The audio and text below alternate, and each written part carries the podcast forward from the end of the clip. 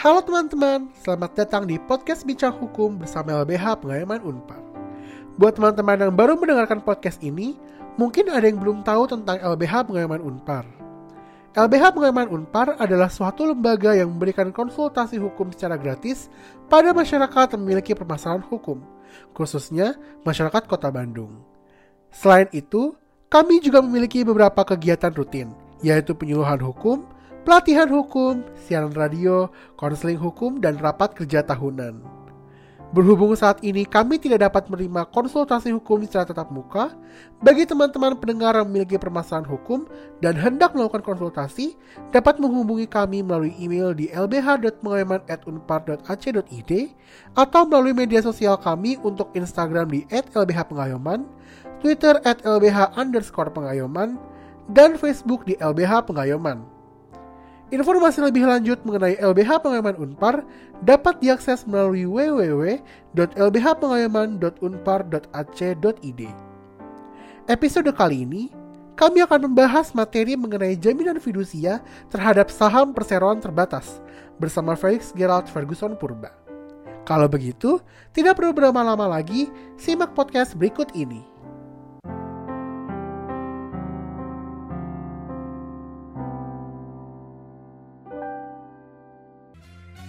Halo para pendengar podcast, kembali lagi bersama podcast Bincang Hukum bersama Lembaga Bantuan Hukum Pengayaman Unpar. Perkenalkan, saya Gaulando yang tentunya akan menemani kalian untuk berbincang mengenai masalah hukum yang sedang hangat di masyarakat. Nah, para pendengar, seperti biasanya nih, saya tentu tidak sendirian. Saya ditemani oleh salah satu rekan saya yang mungkin kalian cukup awam dengan suara dia. Halo Sarah. Halo Gaul. Gimana kabarnya, Go? Baik, baik, puji Tuhan. Gimana kalau Sarah kabarnya gimana? Baik banget. Terutama kita udah lama banget gak pernah podcast bareng nih ya, Gaul ya. Betul, betul. Jadi gimana nih, Sarah? Selama pandemi ini, Sarah nih sibuk ngapain aja sih? Kayak biasa dong. Kalau ada Sarah berarti ada Twitter ya biasa lah anak Twitter ya kerjaannya baca-bacain Twitter gitu. Kalau Gaul sendiri kesibukannya apa nih? Kalau aku sih kayak ya mungkin Sarah udah tau lah ya. Aku sibuk ya mengamati gitu, mengamati segala hal apa sih yang terjadi saat ini gitu loh. Apalagi masa pandemi ini kalau aku lihat-lihat kayak banyak gitu perubahan yang terjadi. Setuju nggak sih Sar? Eh, tapi itu betul banget loh. Sekarang ya, di Twitter itu lagi heboh banget masalah saham. Kayak heboh banget. Kamu juga kan kamu tadi bilang memperhatikan nih, mengamati. Kamu juga mengamati gak Gaul? Pastinya dong Sar. Kayak emang orang-orang sekarang lagi sibuk gitu loh dengan saham ini. Kayak saham ini lagi booming gitu tiba-tiba. Betul banget Gaul. Saham tuh benar-benar lagi booming dan bahkan ya nih ya. Salah satu rekan kita juga dia sekarang tuh lagi bener-bener apa ya riset gitu mengenai saham terkhusus mengenai jaminan fidusia terhadap saham perseroan terbatas. Asik Wah. kali ya kalau kita undang. Menarik banget sih dan ini pasti sangat menarik gitu ya bagi para pendengar. Mungkin kita langsung panggil aja kali ya Sarya. Boleh banget. Halo Felix. Halo Gaul, halo Sarah, apa kabar? Baik, Felix apa kabar? Aku juga baik. Oke nih, jadi gimana nih selama pandemi ini ngapain aja nih? Dengar-dengar kata Sarah lagi sibuk riset tentang saham nih. Ya, betul banget. Aku akhir-akhir ini lagi sibuk uh, memperhatikan berita mengenai saham, di mana banyak sekali perseroan terbatas yang melakukan jaminan terhadap sahamnya. Dan jaminannya itu berupa jaminan fidusia. Begitu. Menurut teman-teman oh. bagaimana? Yang kemarin kamu ceritain gitu nggak sih Lex? Karena Betul, masa sama. pandemi ini banyak banget PT-PT yang akhirnya bubar karena sebenarnya mereka butuh dana dan banyak akhirnya perseroan terbatas yang memilih untuk menjaminkan saham mereka menggunakan jaminan fidusia ya Lex ya. Betul Sarah. Iya betul banget. Jadi kayak yang sempat disinggung juga tadi ya bahwa pada masa pandemi ini kayak banyak gitu perubahan. Jadi ya orang-orang sudah semakin apa ya, semakin kreatif gitu loh untuk berpikir kayak apa nih yang harus dilakukan biar ekonomi tetap stabil gitu. Nah, Lix, ngomongin podcast nih.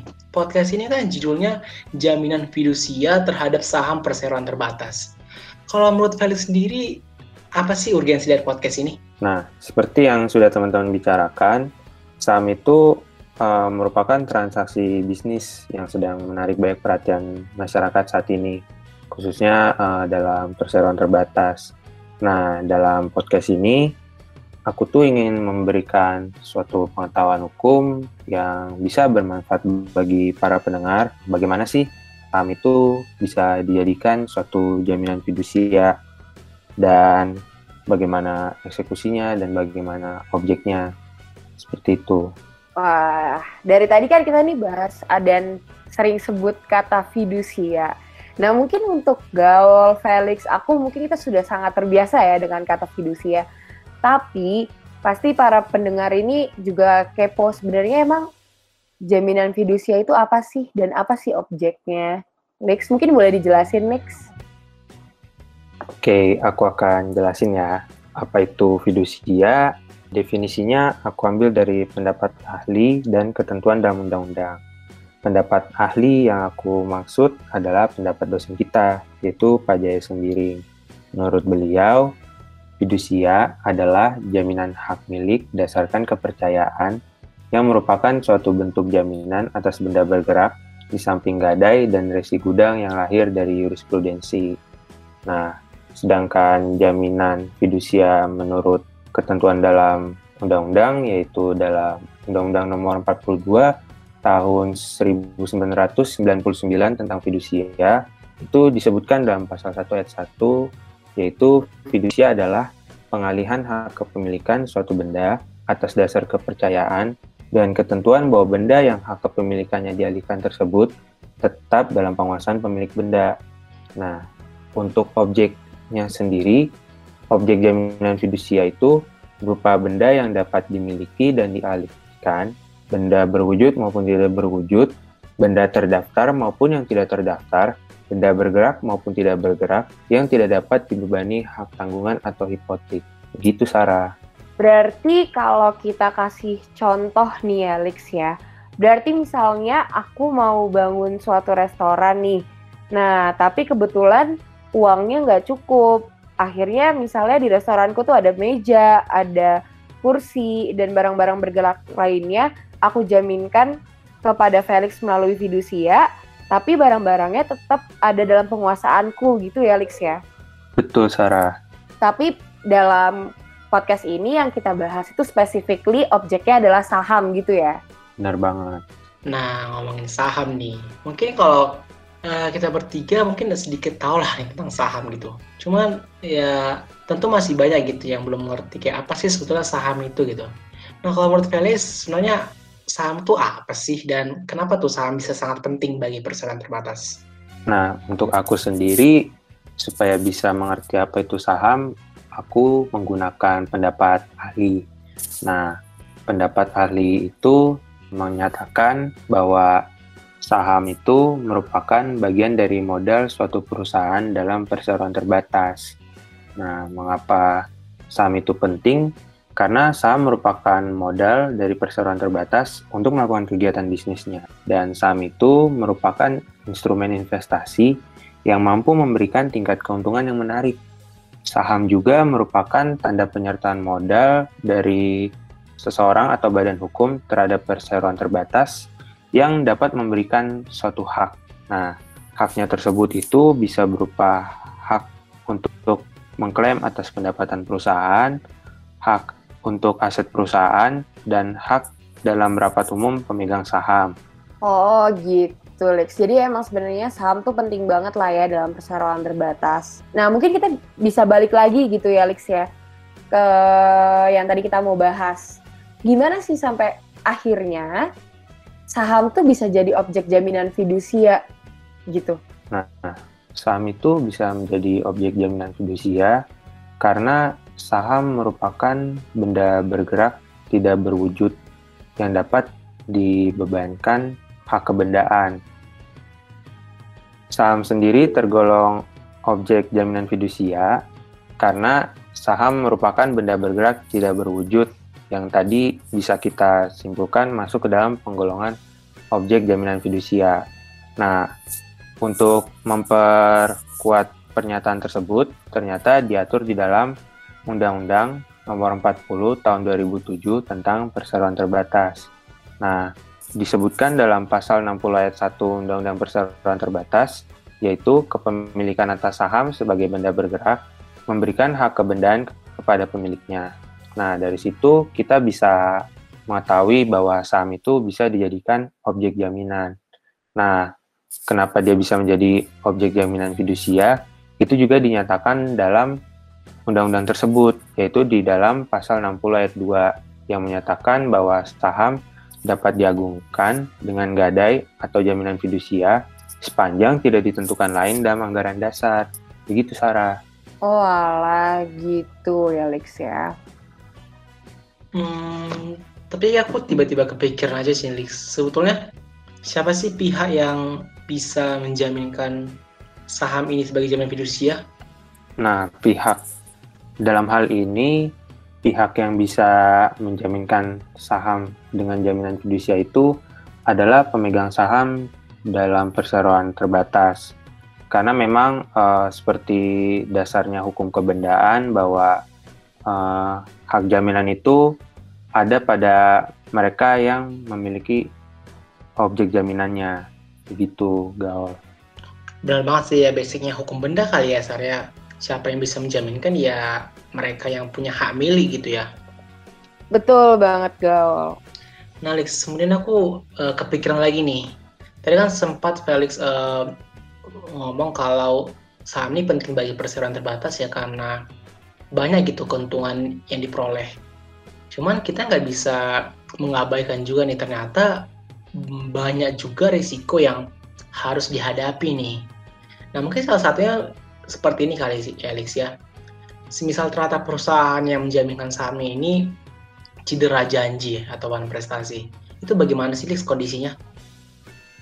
Seperti yang tadi awal kita sudah bicarakan, memang saat ini tuh banyak banget nih uh, terjadi uh, saham yang dijaminkan oleh perseroan terbatas. Dan memang uh, tidak menutup kemungkinan kalau misalkan perseroan terbatas tersebut ternyata cedera janji atau pemegang sahamnya itu uh, cedera janji. Nah, untuk hal tersebut uh, dalam Undang-Undang Fidusia itu diatur ketentuan mengenai resiko kalau misalkan terjadi cedera janji yang diatur di dalam pasal 15 ayat 3 di mana dalam pasal tersebut uh, memberikan hak bagi penerima fidusia untuk menjual benda yang menjadi objek jaminan fidusia atas kekuasaannya sendiri.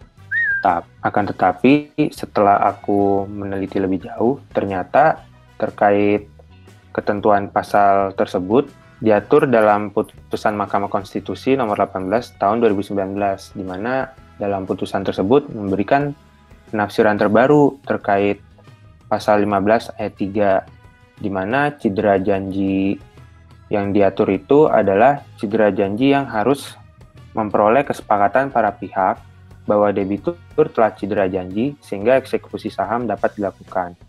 Tanpa adanya kesepakatan tersebut, kreditur atau penerima fidusia tidak dapat mengeksekusi saham. Nah, jika debitur menyanggah dan tidak mencapai kesepakatan, maka kreditur harus membawanya ke proses gugatan wan prestasi. Nah, hmm. oh boleh kenapa gaul gimana gimana? Berarti singkatnya kalau bisa dibilang gini kali ya Sarya.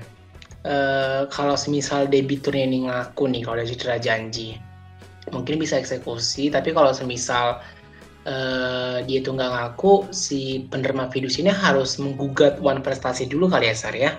Betul banget, Gaul. Nah, mungkin ini jadi next question nih untuk para pendengar juga ya. Pasti para pendengar juga bertanya-tanya. Kan tadi kata Felix, saham adalah benda yang tidak berwujud ya. Nah, gimana sih kalau gitu cara eksekusi jaminan fidusia kalau bentuknya saham, Lex?